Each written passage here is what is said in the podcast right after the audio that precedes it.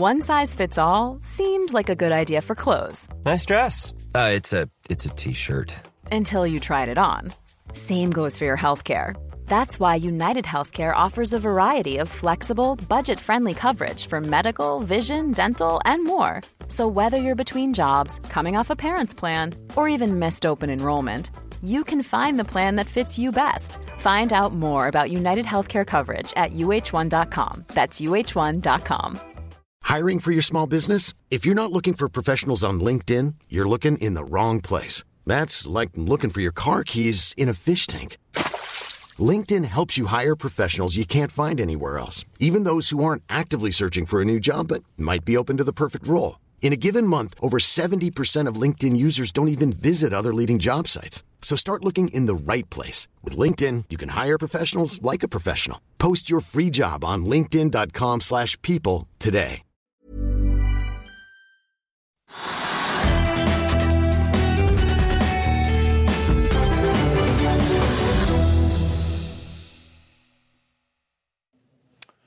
En riktig god mandag og velkommen til Økonominyhetene i det kalenderen viser 28. november. Vi har en sending du ikke vil gå glipp av i dag. Vi har både besøk av den nye sjefen i flyselskapet Flyr, Brede Huser, og sjefen i Nordic Nanovektor, som altså står overfor en skjebnesvanger generalforsamling nå på torsdag, der selskapets fremtid skal avgjøres. Men først, la oss ta en kjapp titt på markedet og andre ting som har preget nyhetsbildet i dag. Hovedindeksen på Oslo Børs stengte jo opp 3,3% samlet sett i forrige uke, men i dag har det ikke vært noen opptur. å spore. Vi er nå ned 1,6% og hvis du ser på mest omsatt-listene, så er det rødt helt ned til du kommer til Gram Car Carrier, som er opp et par prosent med en omsetning på 17 millioner kroner.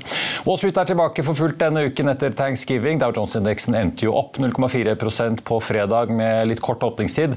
Nasdaq falt en halv prosent, mens da SMP 500 endte flatt. og Det markerte jo slutten da på en rolig, kort og, uh, uke med da solid oppgang, får vi si. Oljeprisen mye mye ned siden eh, fredag.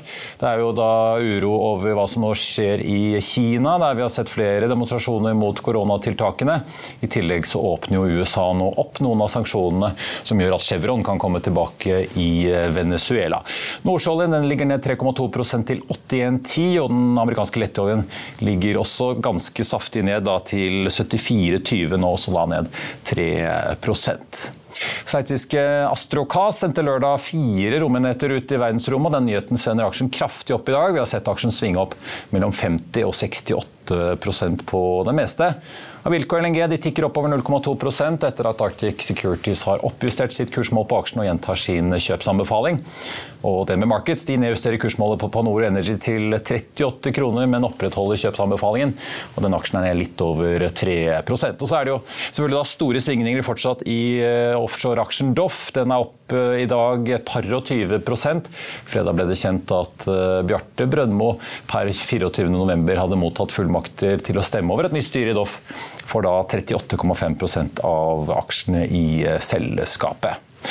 Også for de som sitter investert i laks og kraft, følger med i dagene fremover. For søndag ble jo budsjettforhandlingene mellom regjeringspartiene og SV flyttet over til statsministerens kontor. Men SV opplyser til VG i dag at det er lite sannsynlig med en budsjettenighet i løpet av dagen. Men vi vet jo da at elementer av det foreslåtte skatteregimet er under forhandlinger.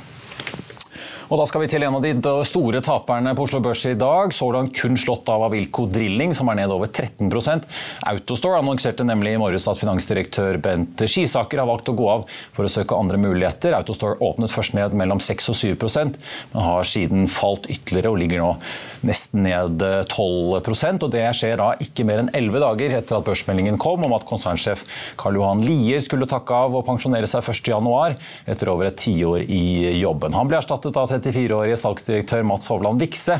Og nå starter altså jakten på en ny finansdirektør også. Og vår egen børskommentator Karl Johan Molnes hadde dette å si om Autostore-aksjen tidligere i dag.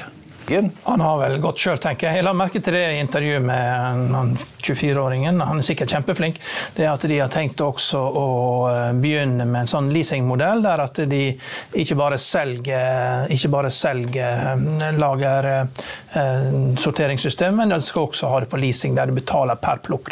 Ja. Og det er klart, det vil jo også da medføre Det, det høres ut som at det, det hører, Alt dette høres ut som en stor profit-warning. Ja. Eh, og du ser jo aksjen også, den er vel ned om 5-6 Det kommer sikkert til å gå mye lenger ned også. Og, eh, det er jo Softbank og eh, et annet stort eh, private equity-firma som eier eh, to tredjedeler av aksjene. og eh, Denne her skal langt lenger ned. og For dette er en finansdirektør som var med selskapet før børs, den store børsnoteringen, som jo var den største vi hadde på Oslo Børs. Ja, det, det, Bent var tidligere CFO i Nelland, så han har Ja, ja. vant med vekstselskaper. Jeg kjenner jo han godt, så det, han går jo ikke uten grunn. Eh, og her, dette er fork in the road. Her skjer det et skifte.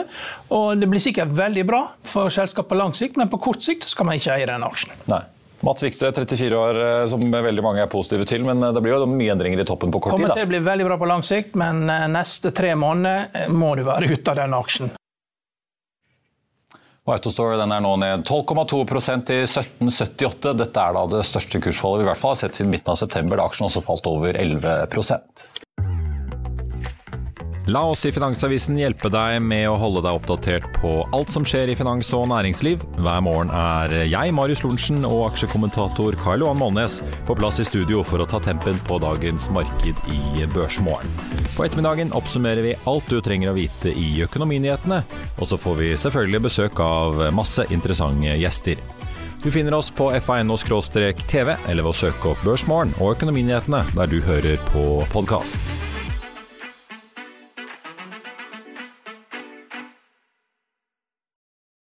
Nå skal vi over til eh, luftfart, for eh, som om ikke emisjonen i Norse Atlantic ga oss nok å snakke om i forrige uke, så kom altså meldingen fredag ettermiddag om at sjefen i Flyr, som har ledet selskapet siden igangsettingen i fjor, Tonje Wikstrøm Frislid, altså slutter i jobben. Og inn kommer en av eh, de som mange i bransjen kjenner godt, og som har stått ved Tonjes side som finansdirektør hele veien. Brede Huser, ny administrerende direktør i Flyr, og fortsatt får vi si finansdirektør, velkommen. Takk, Marius. Jeg vet ikke om det er en ny trend i bransjen, men nå har altså både i Norwegian og Flyr da endt opp med å ta finansdirektørene sine og sette de inn som eh, daglig leder. Og alle vi som følger denne bransjen tett, vet jo at det er jo, både har vært og er veldig krevende tider. Eh, Kanskje jeg skal begynne med å spørre hvorfor takket du ja til dette, Brede? Nei, jeg mener jo at eh, dette er et selskap som har livets rett. Og er fryktelig interessert i å bevise for alle som mener det motsatte, at vi har livets rett. Og bevise at vi skal klare å lykkes. Hva er det som egentlig skjer i Flyr nå?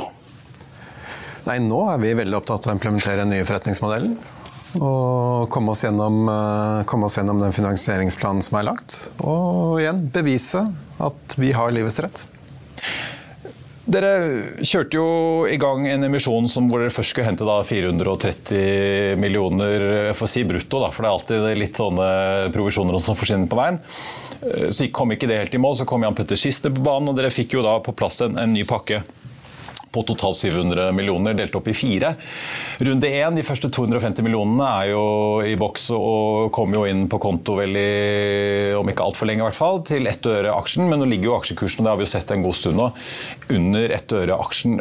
Betyr det at reparasjonsemisjonen sannsynligvis ikke blir noe av? Vi jobber med at vi skal gjennomføre reparasjonsemisjonen, og så får vi se nå tegningsperioden hvor vi står. Ja. Men vi er ikke avhengig av å gjennomføre reparasjonsemisjonen for for å være her neste sommer. Det er vi absolutt ikke. Men jeg vurderer dere å ta grep, altså at man må inn og endre på vilkårene her for å få disse For det er jo snakk om 100 millioner til fort. Ikke vært et tema om det. Så vi, per nå så jobber vi med å gjennomføre reparasjonen som planlagt. Ja. Og når kan vi vente at uh, vilkårene og igangsetting, for det er jo avhengig av et prospekt her. Ja, så det vi venter på nå er jo at prospektet skal godkjennes av Finanstilsynet. Så Ja. det er jo en prosess som tar noen uker.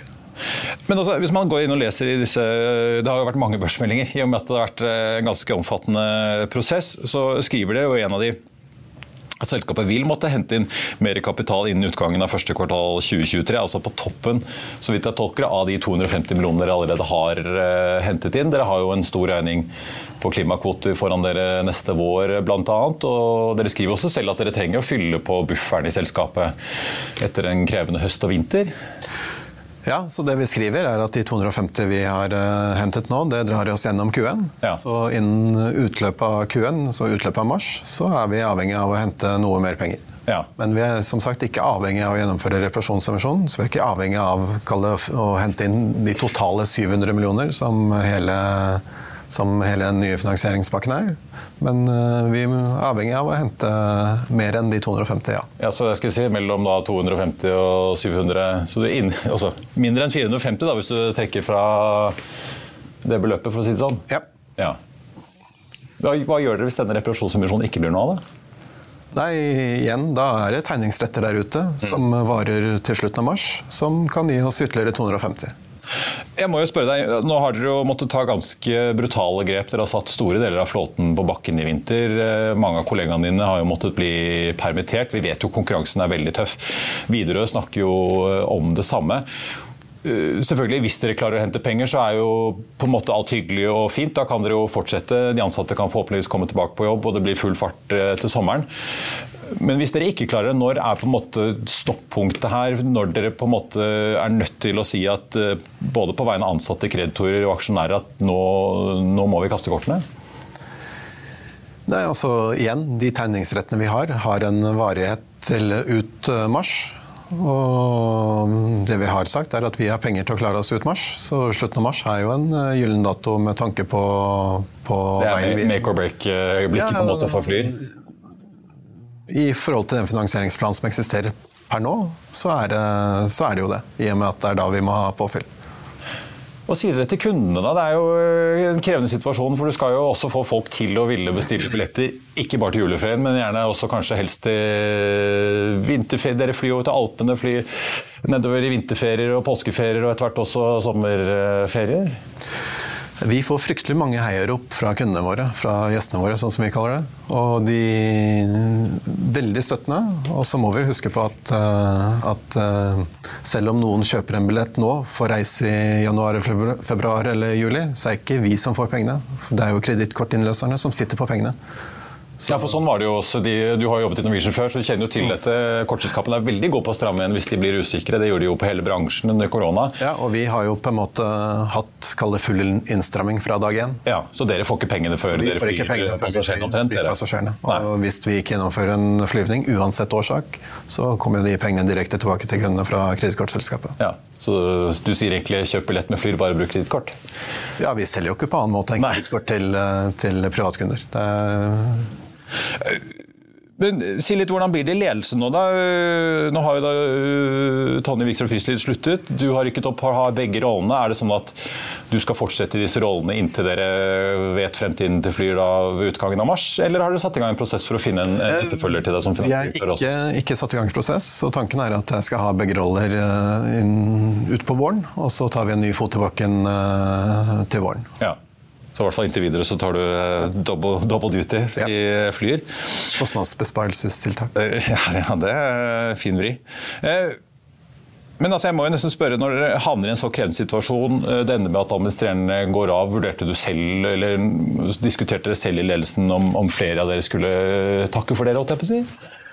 Det har aldri vært et tema i ledelsen, og for meg så har det ikke vært et tema. Jeg mener at vi har fortsatt mye igjen å bevise. Jeg mener at Flyr har livets rett, og jeg er ekstremt interessert i å bevise for alle andre, inkludert alle som ikke vil ha oss her. Ja. ja si litt, altså, Nå har jo din kollega i ledelsen, Lasse eh, Sandaker Nilsen eh, skrevet i vår konkurrent Dagens Næringsliv om eh, spekulasjoner og pra, all praten spår om fremtiden til Flyr. Hvordan opplever du selv og kollegaene dine i ledelsen og i selskapet all den praten som er hos oss og i aksjefora og blant reisende og folk i bransjen? Nei, jeg synes Det er fascinerende å se at et selskap med 450 ansatte får så mye oppmerksomhet. Både i media og, og andre steder. Ja. Men du, du, har jobbet i Norwegian, så du vet jo at flybransjen er uh, noe som folk brenner for? Ja, men uh, vi er jo et, det et lite selskap i forhold til det. Men jeg syns det er fascinerende å se. Og jeg syns det er fascinerende å se mm. kall det de sterke kreftene som, som eksisterer i markedet. Men Hva er det med Flyr som gir deg den troen? da?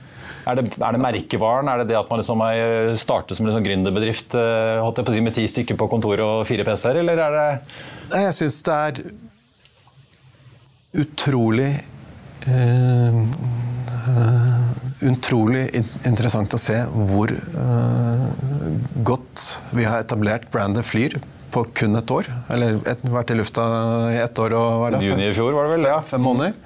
Og hvor godt kjent vi er. Og hvor godt etablert brand er.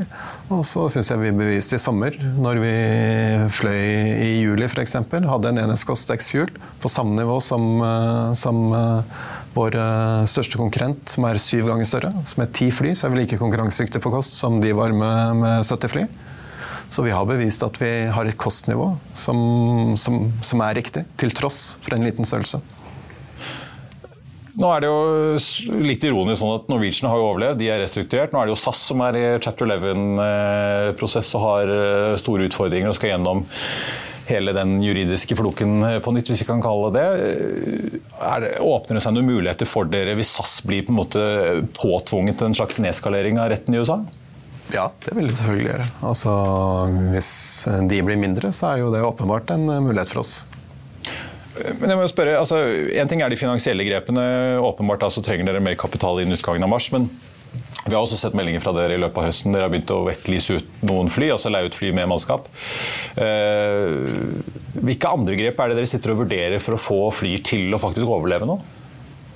Nei, Vi har jo implementert en plan sånn som vi har kommunisert til markedet, som, som gjør at vi reduserer cashburn med 400 millioner gjennom vinteren. Og, og, vi hadde jo planlagt å ha å si, 12 fly i drift gjennom vinteren.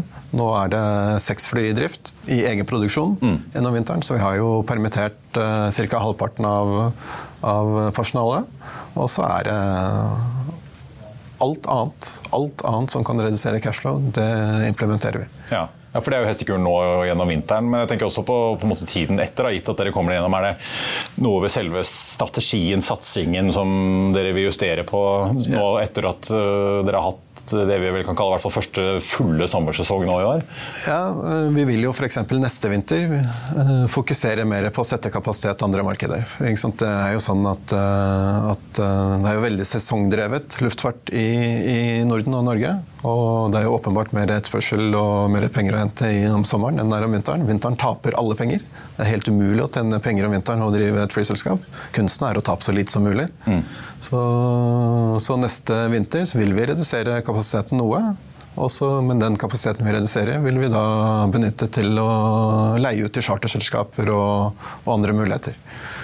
Um, det er noe vi jobber aktivt med nå. Og med den, når vi har den planleggingshorisonten vi har nå, så, så, skal det fint være realiserbart. Jeg husker Opprinnelig så snakket dere vel om at dere skal opp i 28 fly kanskje på sikt. og at dere det er jo selvfølgelig ikke sånn helt på, på, flyet eller på øret, men at man fort måtte over 20 for å få en, en, liksom en varig bærekraftig størrelse til å bære et selskap. Hva, hva tror dere nå, da? Det, må man fortsatt opp dit? Nei, Det var vel ikke det vi sa, men det vi sa var at øh, en satsing på det norske markedet, altså norsk innenriks og norsk ferie og fritid ute i Europa, der ser vi at opptil 28 fly er bærekraftig. Mm. Det, det, er det mulig å få til. Da har du et godt produkt. Skal du ha mer fly enn 28, så må du begynne å fly andre steder. Og igjen, vi beviste i sommer at med ti fly så hadde vi samme enhetskostnad som konkurrentene. Så fra et skalasynspunkt så, så er vi der vi skal være, på tolv fly. Og hvor fatalt er denne drivstoffprisene? Den rammer jo alle likt, for så vidt, selv om eh, Ryanair-sjefen går og fornøyd sier at han har hedget, men likevel. Nei, I sommer, hvor vi, så, hvor vi, så, priser opp mot 1400 dollar per tonn, så selvfølgelig er det ødeleggende. Når mm. du ser at fuglprisen er 45 eh, av eh, kostnadsbasen din, mot normalt 30 så påvirker det lønnsomheten mye. Så, men nå, som du var inne på i stad, den oljeprisen er på vei ned. Så vi får satse på at den går enda, enda lenger ned. Når det, har dere fått noen signaler fra Finanstilsynet på dette prospektet? Da? Snakker vi nå før jul at uh, de kan komme med en avklaring, og at vi da kan få på en måte se andre del av kapitalinnhentingen spille seg ut? Eh, mulig før jul, kanskje begynnelsen av januar. Mm. At, uh, at prosessen er i gang. Det er signalene dere har fått? Ja. ja. Peder Husser, administrerende, si, administrerende direktør og finansdirektør i Fly, takk for at du kom, og lykke til. Vi skal straks høre fra sjefen i Nordic Nanovektor, som selv står overfor en skjebnetung generalforsamling torsdag, men først til den fallende oljeprisen. Bloomberg har mer om faktorene som nå påvirker prisene, inkludert av uroen i Kina. Bare se her. Oil has tumbled to the lowest level since December. That's as unrest in China hurt investors' appetite for risk and clouded the outlook for energy demand. Paul Wallace, who leads our Middle East energy and commodities coverage, joins us now from Dubai. Paul, thank you so much uh, for joining us. So, what could stop this drop then in oil prices? Because we certainly see that in front of us, down by 2.7% on Brent at 81.39. There's a lot of bearish news out there, uh, certainly surrounding China right now. Yes, there is a lot of uh, bearish news, and it's been a pretty torrid time uh, for oil bulls in the past uh, two weeks. In the very short term, it doesn't seem as if there's much that can can stop this. China, China is obviously the primary concern. Even before the the spread of protests that we saw over the weekend, there was a lot um, of, of bearishness um, around uh, how um, how quickly China would be able to uh, to reopen, and um, a lot of oil traders were thinking that we wouldn't see that until sort of the second or the, the third quarter, which obviously has quite a quite a big negative impact on, on the economy and, uh, and oil um, demand. Um, beyond that, we've also got the price cap in Russia, uh, the price cap on Russia, which although not agreed yet, looks like it's not going to have that much impact um, on on Russian uh, flows, on Russian exports. So all that means we've got weak demand and okay supply for the next few weeks. The big thing you could say is the OPEC Plus meeting on uh, Sunday. That's probably the one thing that could um, go somewhere at least to, to reversing this, this price route. So, Paul, OPEC Plus decision next weekend is the one thing that could turn this around. How likely is a supply cut from OPEC Plus, and what's the current expectation in the market? One size fits all seemed like a good idea for clothes. Nice dress. Uh, it's a it's a t-shirt. Until you tried it on. Same goes for your healthcare.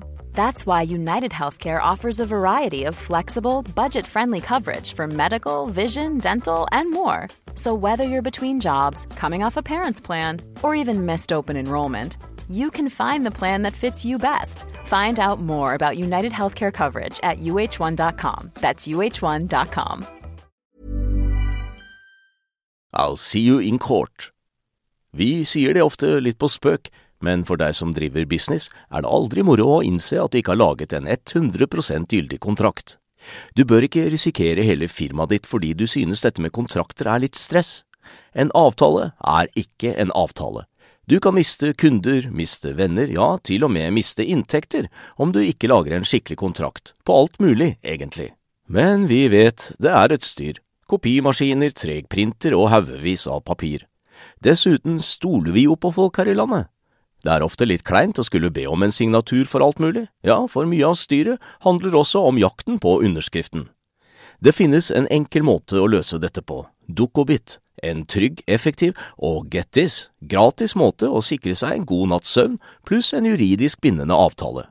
Dukkobit-appen har de strengeste sikkerhetskrav i bunn, samt en EU-godkjent og sertifisert teknologi. Framover vil det bli behagelig å spørre du, skal vi skrive under på det, eller? Kom i gang på dokobit.no. I think with what we've seen from, uh, in terms of comments from the Saudis and the OPEC Secretary General in the last few weeks, and with this uh, oil price uh, fall as well, I think it's uh, the, the, consensus is very much that OPEC is either going to stay steady or cut. And I imagine that traders are upping their bets um, for a cut uh, today, given what oil is doing. The Saudis don't want oil at these prices; they'd like them slightly higher, as would most other members of the um, of the cartel.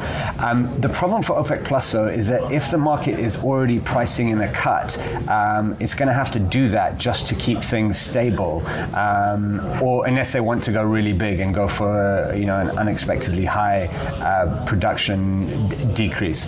But we're just going to have to uh, to find out on Sunday. Um, but as it stands now, it's it's likely that they're either going to stay steady or, or, or lower output. Da skal vi over til bioteknologi og legemidlenes verden, nærmere bestemt Nordic Nanovektor, der det brygger seg opp til å bli en betent og spennende generalforsamling nå torsdag 1.12. Spørsmålet aksjonærene må finne ut av, er hvilken vei de skal ta videre etter at nesten 96% av verdiene i aksjen har blitt visket ut bare i år, takket være at det altså ikke ser ut til å være noen vei videre for selskapets kreftvaksine. Som vi skrev i august, har selskapet hentet 2,3 milliarder kroner siden børsnoteringen finansieringen i 2015 for å finansiere en studie som nå er lagt ned. Og I dag eh, priser selskapet til 109 millioner kroner, eller 94 øre aksjen. Under børsnoteringen så kostet aksjen 32 kroner, og på det meste var den oppe i 112. Og Opp gjennom disse årene så har det vært eh, mer enn en håndfull sjefer i selskapet, og nå er det du som leder selskapet, Marlene Brondberg. Velkommen til oss. Takk for det. Jeg får bare si at Vi har jo eh, både invitert uh, de som ikke liker å bli kalt seg opprørere, men likevel aksjonæropprørerne som, uh, i denne gruppen som har organisert rundt 12 av aksjonærene, i tillegg til da Rashid Bendris i North Energy, som jo tidligere har sagt at de ikke har noe med å si utover børsmeldingen. Men du ønsket å komme og snakke om hva som skal skje på torsdag, og hvor selskapet står. Jeg tenkte Vi må nesten begynne for de som ikke kjenner eh, sektoren og Nordic Nanovektor. Du har jo vært helseanalytiker, jobbet i ABG. Eh, og Så kom du inn i Nordic Nanovektor da i 2018 som eh, direktør for Investor Relations. og Etter hvert da har du blitt finansdirektør, og nå fra august konstituert administrerende også. Hva var det som skjedde som førte på en måte selskapet inn i den situasjonen dere er i dag? Ja, Det som jo egentlig skjedde, det var at vi var holdt på med å enrollere vårt Paradigm-studie.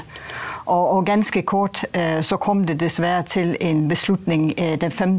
juli om at øh, vi skulle ikke gå videre, for dataene var ikke sterke nok til å skulle bli et kommersielt legemiddel. Og dette er jo noe dere har jobbet med siden 2000 og, altså egentlig før 2015, men dere ble jo børsnotert i 2015, så dere har jobbet med dette i mange år? Yes, ja. ja, det er det. Masse år har vi holdt på med det. Så det er masse selvfølgelig penger der er investert, der går inn i det her allerede. Men uh, si litt, på en måte er det, er det, ingenting å gå videre med? For det var, jo noen forsinkelser her, og ting tok lengre tid å få studieresultatene enn det man først anslo. Uh, er det på en måte noe man sitter igjen med, eller er dette et uh, legemiddel man ikke på en måte har noe bruk for? Nei, altså vi har jo, som vi også så i vores øh, fase 1-studier, det er jo innenfor lymfekraft, hvis vi tar det så ja. helt basalt sett, øh, var veldig veldig gode data. Øh, og så har vi dessverre ikke så gode data som gjør at det er kommersielt gode nok mm. her på fase 2. Men det er klart, det er jo fortsatt data som var gode på fase 1, og det er også fortsatt selvfølgelig noen interessante ting i pipelinen. Men det som nå er, er, er, litt av problemet, det er at det er en veldig tidlig fase pipeline. Det som man kaller preklinikk. Ja. Og det betyr at vi ikke er gått inn i mennesker øh, med, den, med den øh, fase. Men Så dere har ting å gå videre med? Eh, Selv om paradigmestudien ikke blir noe av? Ja, ja, men det er veldig veldig tidlig fase, så det vil ta lang tid før vi kommer til samme stadie som vi var på Paradigm. Ja. Så dere la da denne ned i sommer og måtte jo da finne ut hva dere skulle gjøre videre. Si litt om, om på en måte hva dere satte i gang med, for jeg vet jo Carnegie har bl.a. vært hyret inn for å bistå dere i å finne veien videre her. Eh, er det liksom enten avvikling, oppkjøp, har dere noe å selge? Er det den type vurderinger dere da har gjort, eller?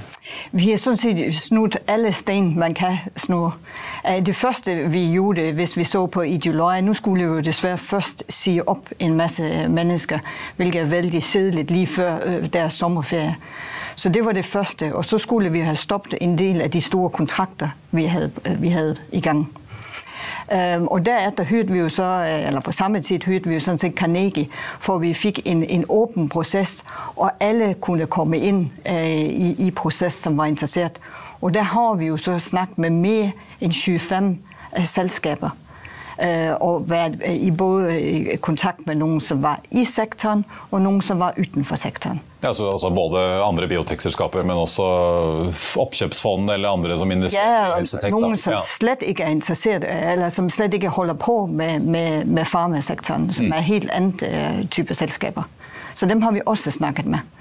Og vi har også snakket med, med store farmaselskaper, som jo virkelig har forstand på også å se på pipeline. Et av problemene er jo dessverre vi er i et veldig veldig svært aksjemarked lige nå. Øh, så risikovillighet er det ikke så, så mye av.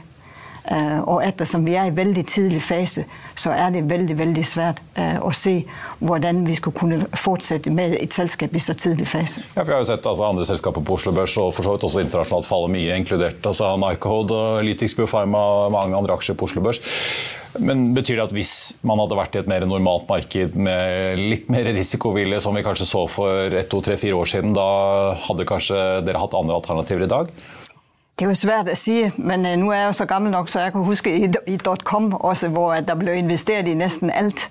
Um, og, og, det er jo bare et annet aksjemarked. Så det er svært å si hva, hva der kunne være skjedd der. Men det er klart, det her aksjemarkedet hjelper absolutt ikke. Mm.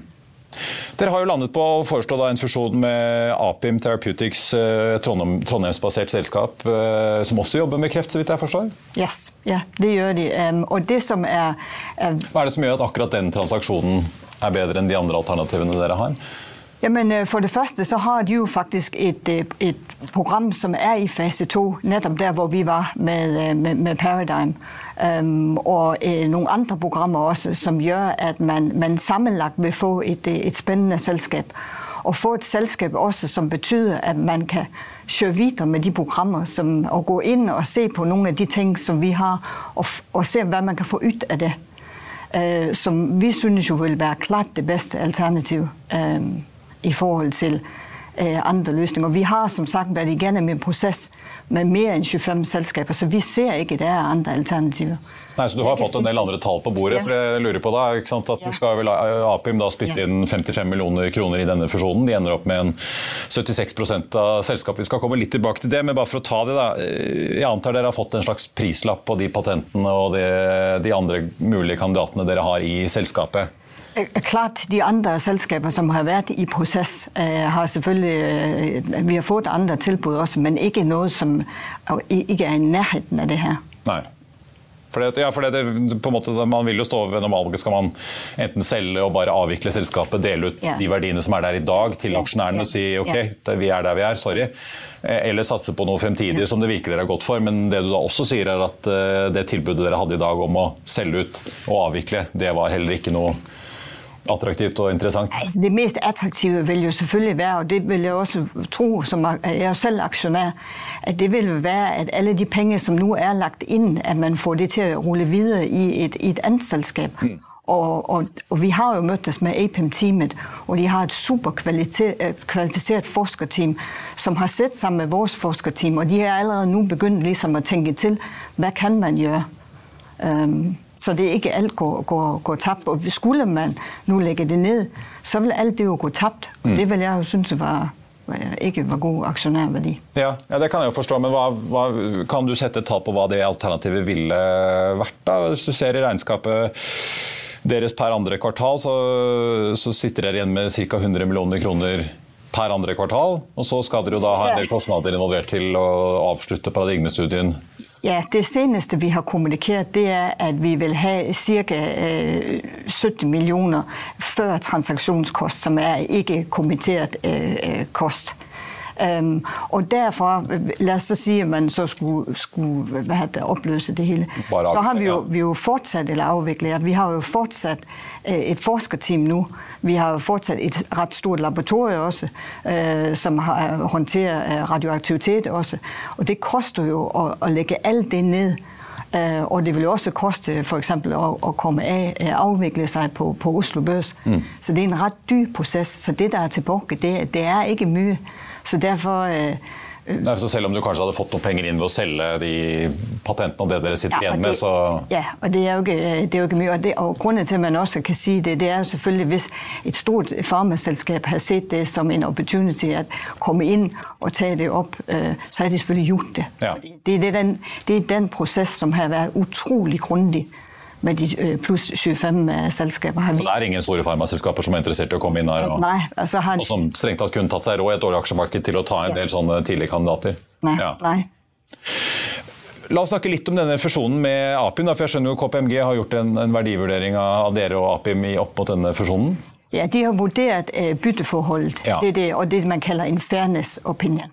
For det er jo det jeg tenker, altså, Det har jo da kommet, I tillegg til denne aksjonærgruppen, så er jo da North Energy, som også er en stor aksjonær eh, hos dere, har jo sendt ut en egen børsmelding hvor de på en måte kritiserer oppsettet her. De, det, de sier at det er eh, dårlig håndverk, ikke til det beste for aksjonærene. Og de er jo kritiske til da, denne utvanningen, gitt at dagens Nordic Nano-aksjonærer blir sittende igjen med da, under 25% av det nye selskapet.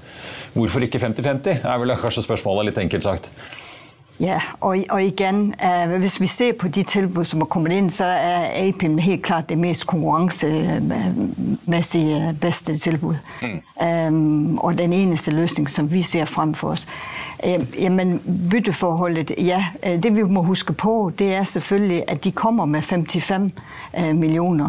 Havde det nu kanskje vært anbudt for oss, så har vi ikke fått de 55 millioner. Og det må man ha inn, for man har penger inntil uh, 2024.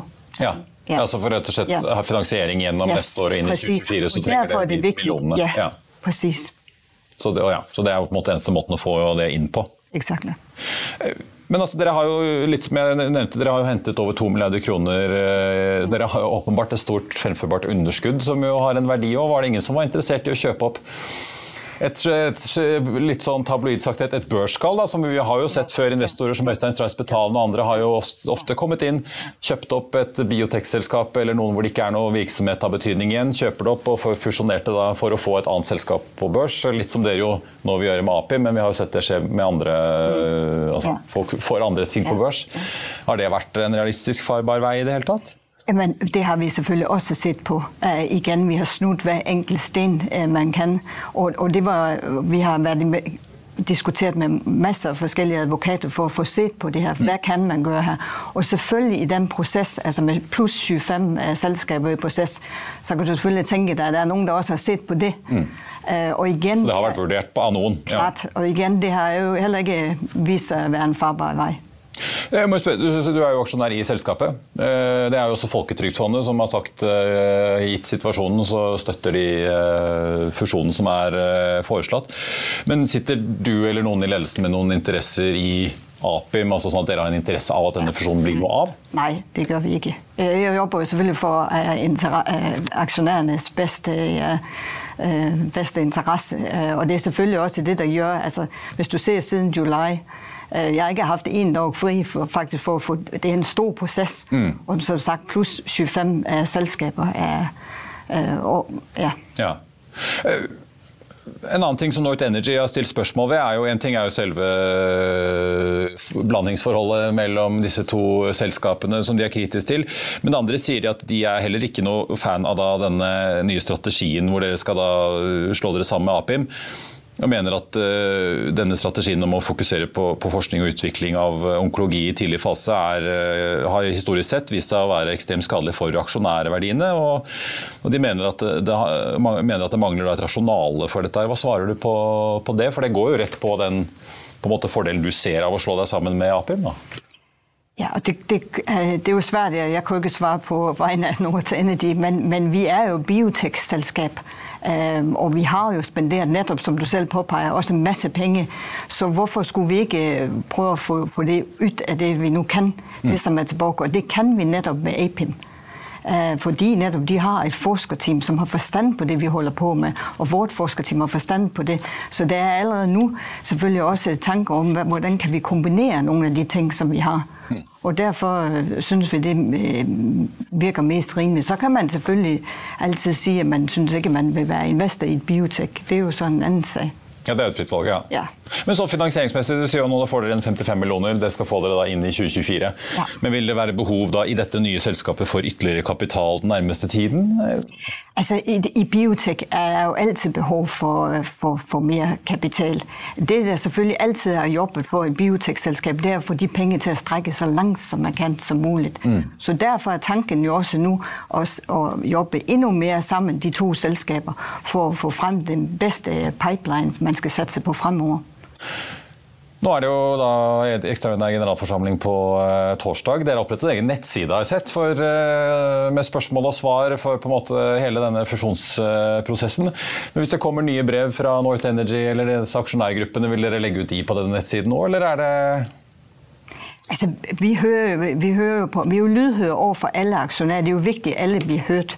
Uh, og det er også viktig at alle får samme informasjon på samme tid. Det er, vi er jo børsnotert selskap. Øh, så selvfølgelig vil vi jo, hvis der kommer nye innspill, hører vi selvfølgelig også på det. Men som sagt, det er en prosess med 25 selskaper, øh, mer enn 25 selskaper. Øh, og vi mener det her er det beste alternativet. Ja, Men altså hvis de sender et brev og ønsker å informere de andre aksjonærene, så Er du åpen for å legge ut det på nettsiden? Ja, det, det, kan jeg jo så ikke komme altså, vi, vi, må, vi, må gøre, vi, vi, må jo først få det, og så kan vi ta stilling til det. Nå er det jo bare ikke mange dagene igjen, da, men uh, Folketrygdfondet altså, er jo 9,4% De sier de støtter uh, dette her i situasjonen. Disse drøye 12 i aksjonærgruppen er mot. Hva sier magefølelsen? da? Tror du at dette blir stemt gjennom på torsdag? Jeg vet ikke. Altså, det er jo faktisk fortsatt øh, flere eller Det er mange dager faktisk til torsdag. Alt kan skje ennå. Så la oss se. Men for selskapet øh, vil det helt klart være den beste løsningen med APIM. Marlene Brondberg, får vi si, fungerende sjef og finansdirektør i Nordic Nanovektor. Takk skal du ha for at du kom, og så får vi si lykke til i en jo fortvilt situasjon for selskapet. Takk. Hovedindeksen på Oslo Børs nå ned 1,7% Den har jo svingt litt, men har vært i rødt da gjennom dagen.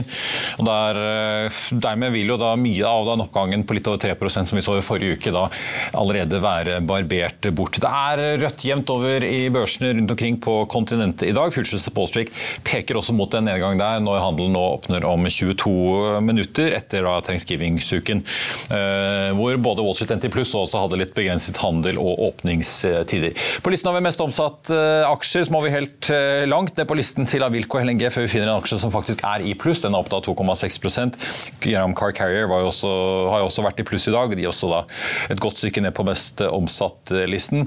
Store alle aksjer som Equinor, Aker BP. Equinor da ned 2% 2,5 på Aker BP. Og vi har jo også da Rexilicon på tredjeplass, ned litt over 6% og Hydro også ned da 2,2.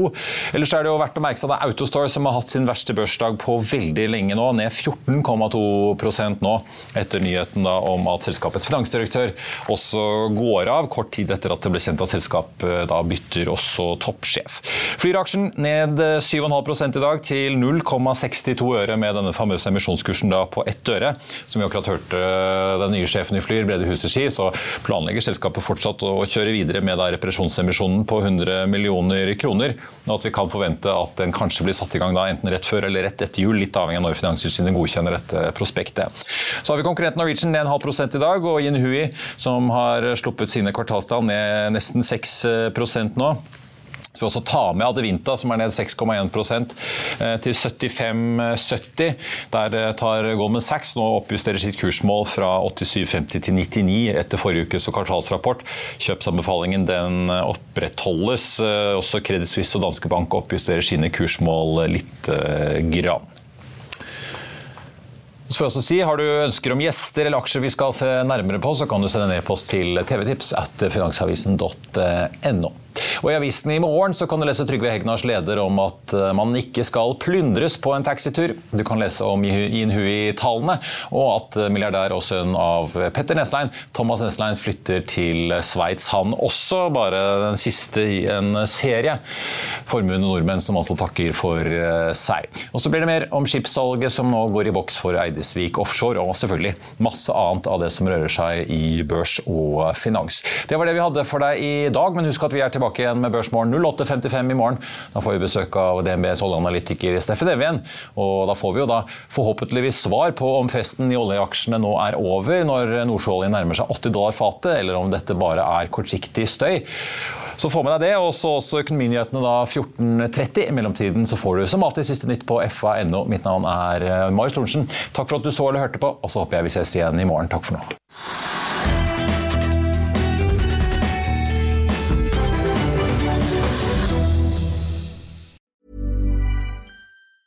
Hey, it's Danny Pellegrino from Everything Iconic.